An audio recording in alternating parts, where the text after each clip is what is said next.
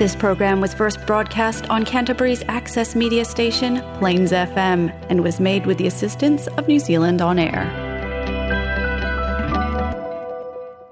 Namaste Nepal. Namaste Nepal.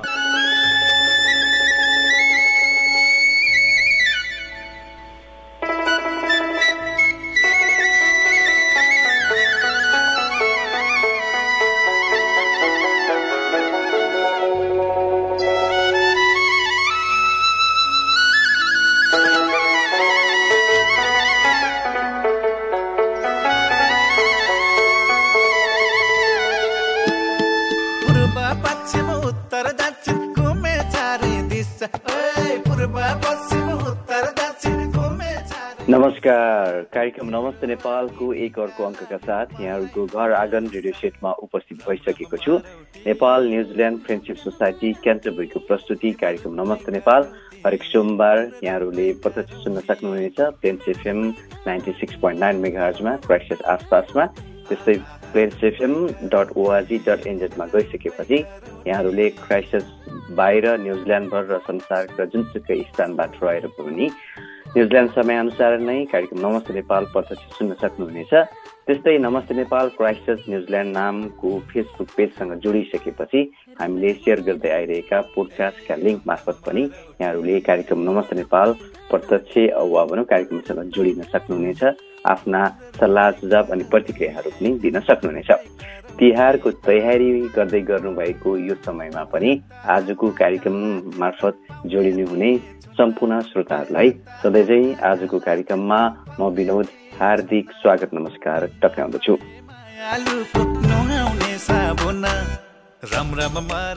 श्रोता हामीले तिहारको तयारी त गरिरहेका छौँ सप्तरङ्गी टिकाहरू कहिले नौलानी मखमली अथवा सुपारी फुलको माला सेलरोटी अनर्सा मिठा स्वादिला चक्लेट काजु किसमिस नरिवल छोडा मिठाई मरमसला लगायतका खानेकुरा सहित आउँदो शनिबार दिदीबहिनीहरूले दाजुभाइको पूजा गर्ने अनि सप्तरङ्गी टिका लगाइदिने चलन पनि रहेको छ अनि त्यसैको सँग जोडिएको तिहारको यो रमझमको पनि सुरुवात भइसक्नेछ अनि वर्षभरिका खुसीका प्रकाशहरू दाजु बहिनी अनि दिदीभाइका आँगनहरूमा यसरी नै फैलिरह्यो। उनीहरूको माया प्रेमका भावभाव अनि सद्भावहरू यसरी नै बढ्दै जाओस्। हुन त कति दिदीबहिनीहरू दाजुभाइहरू अप- प्राकृतिक रूपबाट अलिकति अप्ठ्यारो अवस्थामा हुनुहुन्छ अहिले पनि। कोभिडकोले पनि धेरै अप्ठ्यारो स्थिति को सामना गर्नु परिरहेको छ भने अर्कोतर्फ विदेशीका दाजुभाइ तथा दिदीबहिनीहरूको तिहारमा सधैँ चाहिँ खुसियाली नल्याउने अथवा आउन नसक्ने अवस्थाको पनि हामीले महसुस गरिरहेका छौँ। जे जस्तो भए पनि तिहारलाई आफ्नै हिसाबले आफ्नै किसिमले रमाइलो मनाउने प्रयास गर्ने प्रयास गरिहालौँ गरिरहँ पनि र श्रोताहरूलाई जानकारी भइ नै सकेको छ यसपालिको भाइटिकाको उत्तम साइट बिहान एघार बजेर सैँतिस मिनट जाँदाको समयलाई उत्तम साइटको रूपबाट लिएको छ। श्रोता अहिले अब प्रधान न्यायाधीशको चर्चाको विषय पनि छ। उहाँको राजीनामासँग जोडिएका उथल पुथलका खबरहरू पनि यहाँ मार्फत आइसकेका छ। उथल पुथल नै भइ नसकेको अवस्था छ। त्यस्तै अब न्युजिल्यान्डमा पनि कोभिडको चरणहरू छ। क्राइसिसमा पनि कोभिडका बिरामीहरू देखिएका खबरहरूका बावजुद पनि अहिले लगाएर तिन दिनसम्म त्यसको कुनै पनि थपिएको सङ्ख्यामा कोभिडका बिरामीहरू नदेखिएको खुसीको खबर पनि छ। अब न्युजिल्यान्डभर अहिले पछिल्लो रूपबाट खोप पहिलो खोप लगाउनेको सङ्ख्या अठासी प्रतिशत छ भने दोस्रो वा भनौँ दुई डोज लगाउनेको सङ्ख्या पचहत्तर प्रतिशत पुगेको छ। यो पनि खुसीकै खबर रहेको छ। यसरी नै श्रोता आजको कार्यक्रममा यहाँहरूसँग यसरी नै चाडबाडको बेलामा तिहारको बेलामा भेटघाट गर्ने उद्देश्यका साथ आइ नै सकेको छु। विशेष खबर सामग्रीहरू यहाँहरूलाई प्रस्तुत गर्दै जानेछु। अहिले नै भने यहाँहरूको लागि आजको कार्यक्रमको सुरुवातमा यो रमाइलो गीत प्रस्तुत गर्दैछु पूर्व पश्चिम उत्तर दक्षिण घुमे चारै दिशा पूर्व पश्चिम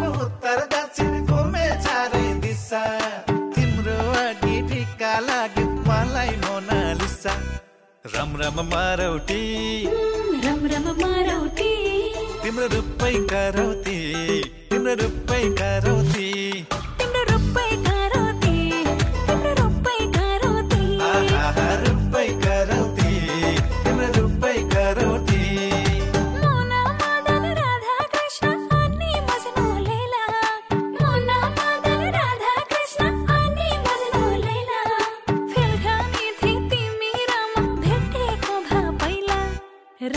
मारौटी ए रम रम मारौटी तिम्रो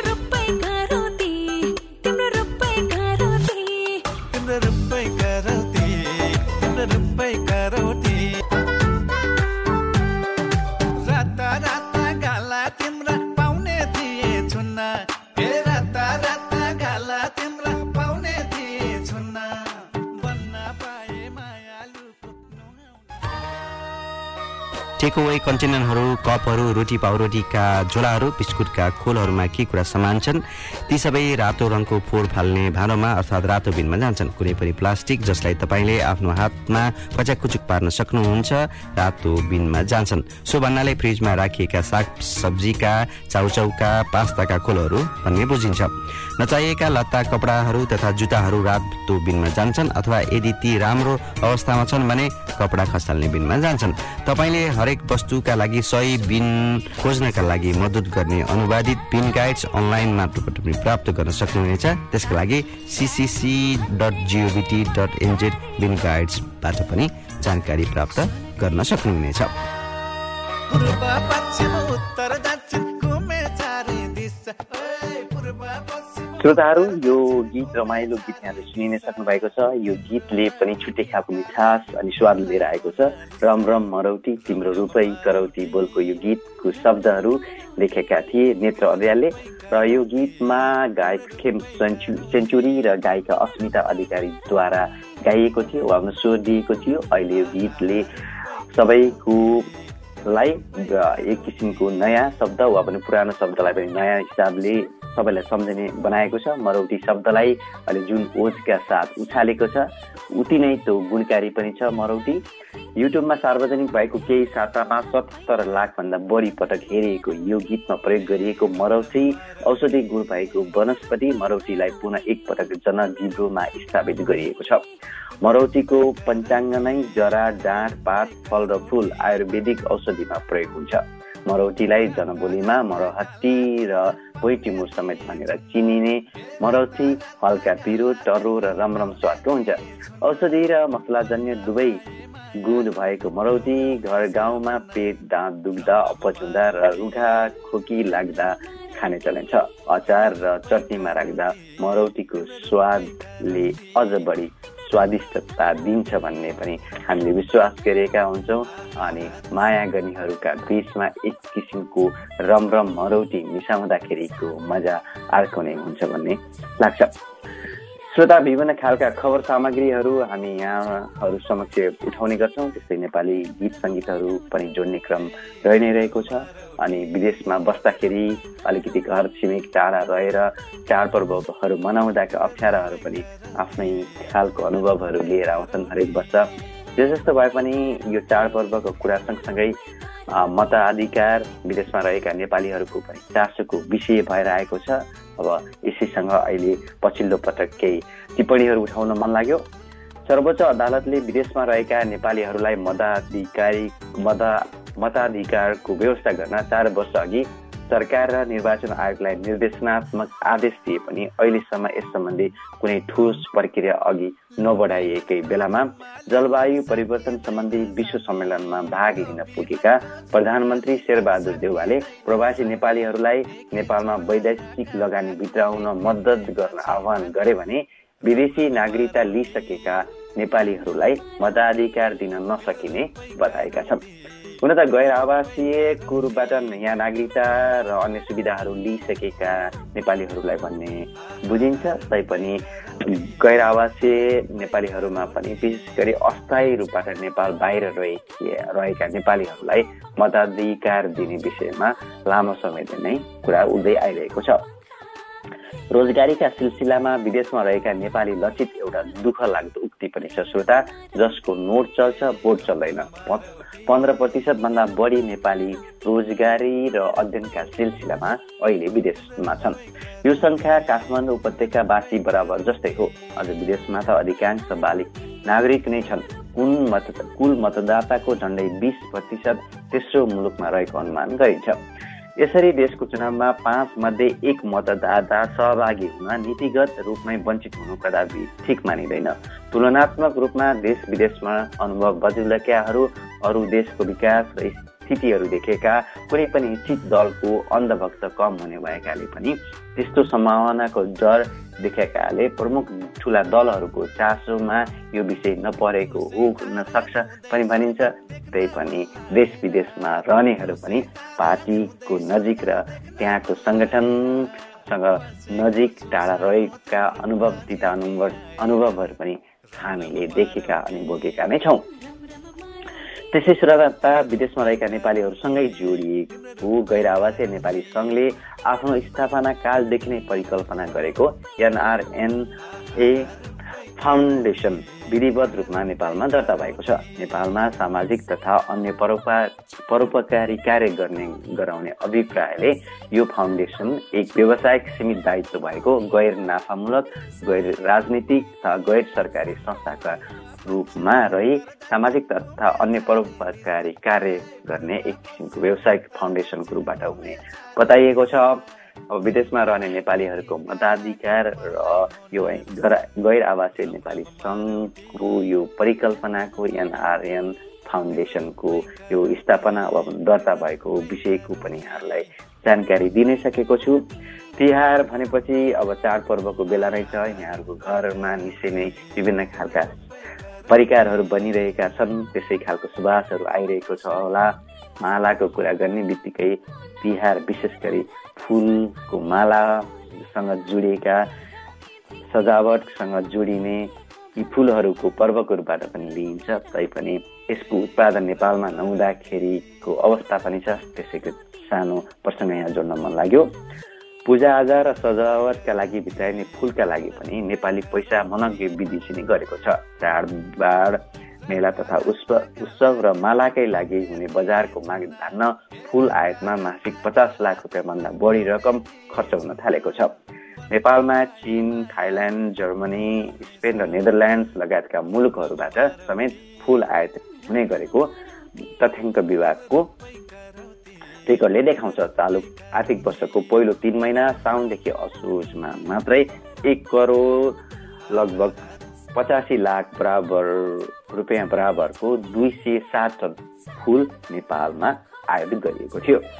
यसरी श्रोता सबै खालका कुराहरू हामीले समेट्ने प्रयास गर्दै गर्दा तिहारको यो मा फुलको आयातको विषयको प्रसङ्ग पनि मैले यहाँहरूसँग जोडि नै सकेको छु। त्यस्तै अब नोभेम्बर महिनामा पनि हामी प्रवेश गरिसकेका छौँ। आ, नेप अङ्ग्रेजी क्यालेन्डरको कुरा गर्दाखेरि यसमा अब अर्कै खालको एउटा मुभमेन्ट एउटा सक्रियताको मुभमेन्टको रूपबाट पनि लिइन्छ नोभेम्बर महिनालाई जसको नाम मोभेम्बर पनि हो।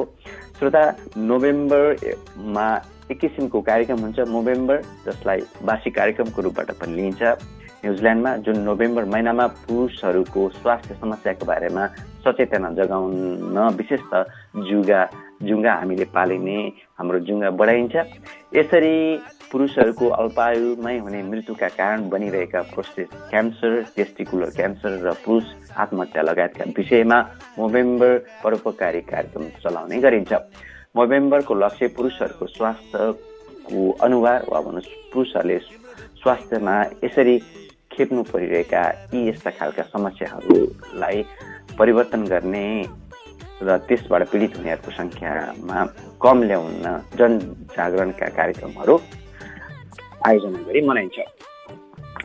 श्रोता अब यसरी हामीले मरौतीको कुरा पनि गऱ्यौँ नेपालीहरूका कुराहरू पनि गऱ्यौँ अनि गर्दा गर्दा नोभेम्बरको अभियानको कुरा पनि गरिरहेका छौँ अनि त्यस त्यस्तै अब पृथ्वीको औसत तापक्रम बढिरहेको घटना पनि अब जन चासोको कुरा भयो। केही समय अगाडि मात्रै नेपालमा पनि बेमौसमको बाढी गइसकेपछि ठुलो जन वर्षापछि गएको बाढी पहिरोका घटनाहरूले पनि ठुलो धन जनको क्षति भएको थियो।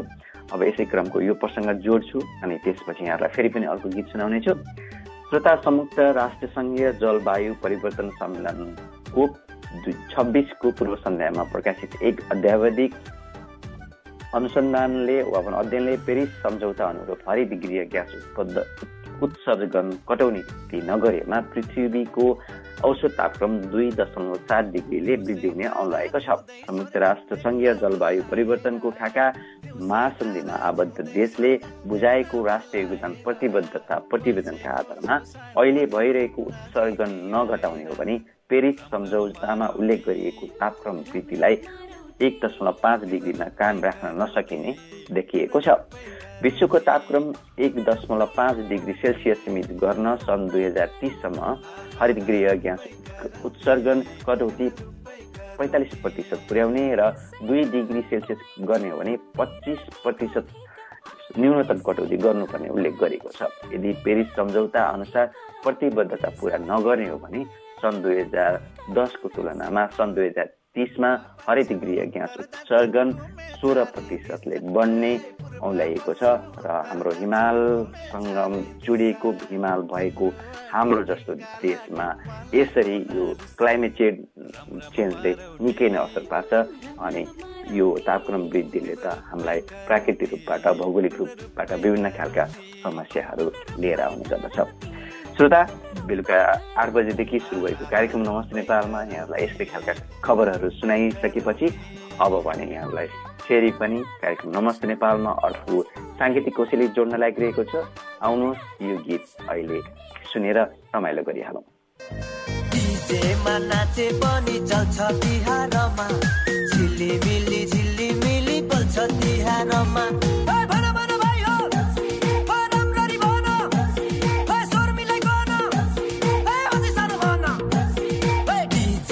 नाचे पनि चल्छ तिहारमा।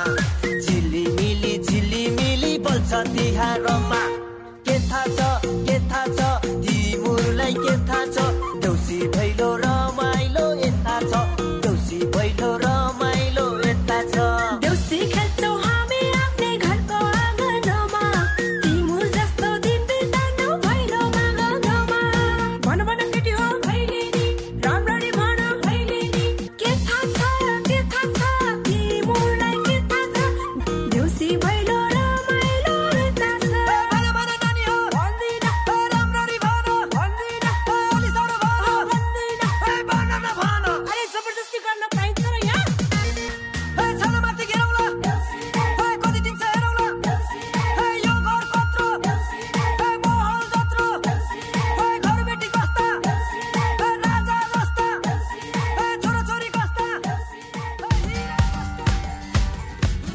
टेक अवे कन्टेनर र कपहरू अनि रोटी पाउरोटी राख्नको लागि प्रयोगमा ल्याइने झोलाहरू घरपालुवा पशु पन्छीका खाना राख्नका लागि प्रयोगमा ल्याइने झोलाहरू साना साना काठका उठ फ्यालेट राख्नका लागि प्रयोगमा ल्याइने झोलाहरू तथा फ्रिजमा राखिने साग सब्जीहरू राख्नका लागि प्रयोगमा ल्याइने झोलाहरूमा के कुरा सम्मान छन्? ती सबै रातो रङको फोहोर फाल्ने भाँडोमा जान्छन्। सबै नरम खाले प्लास्टिकहरू जसलाई तपाईँले आफ्नो हातले कच्याक कुचुक पार्न सक्नुहुन्छ ती सबै तपाईँको रातो बिनमा जान्छन्। तपाईँले हाम्रो अनुवादित bin guides C C C dot G O V T dot N Z slash bin गाइड्सबाट प्राप्त गर्न सक्नुहुन्छ।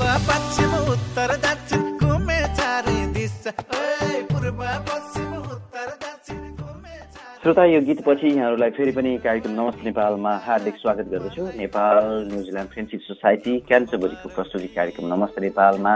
हामीले सोसाइटीका गतिविधिहरूको विषयमा पनि जानकारी दिने प्रयास गर्दै आइरहेका छौँ। दसैँ तिहार वा भनौँ तिजदेखि नै हाम्रा सार्वजनिक भेटघाट चहलपहलका कार्यक्रमहरू हुन नसकिरहेको अवस्थामा सायद अब तिहारको कार्यक्रम पनि हामीले गर्न नसकिने अवस्थामा पुगेका छौँ यद्यपि आइतबार बिहान हुने ब्याडमिन्टन नेपाली कक्षा योग योगाका अभ्यासका कक्षाहरू भइ नै रहेको छ यहाँहरू पनि साप्ताहिक खेलकुदको कार्यक्रम र यी अन्य कार्यक्रमहरूमा सोसाइटीको नियमित कार्यक्रमहरूमा यदि जोडिन चाहनुहुन्छ र इच्छुक हुनुहुन्छ भने कृपया सोसाइटीको फेसबुक पेजलाई फलो गर्ने प्रयास गर्दै गर्नुहोला त्यस्तै यो बाहेक पनि हामीले स्थानीयहरूबाट पनि खेलकुदका कार्यक्रमहरू भइ नै रहेका छन्। त्यस्तै अब टी ट्वेन्टी वर्ल्ड कपको पनि हामीले फलो गरि नै रहेका छौँ। आज बिहान सम्पन्न खेलमा न्युजिल्यान्डले भारतलाई पराजित गरिसकेपछि अब भारत अर्को राउन्डमा जान्न अलिकति अप्ठ्यारो स्थितिमा पुगेको छ। यसरी नै टी ट्वेन्टी खेल पनि क्रिकेटको माहौल जोडिसकेपछि स्थानीयहरूबाट पनि गोर्खा क्रुसेडरले गत शनिबार भएको खेलमा हन्बी क्लबमाथि तिरहत्तर रन फ्राकिलो विजय हासिल गरेको खुसीको खबर पनि छ श्रोता।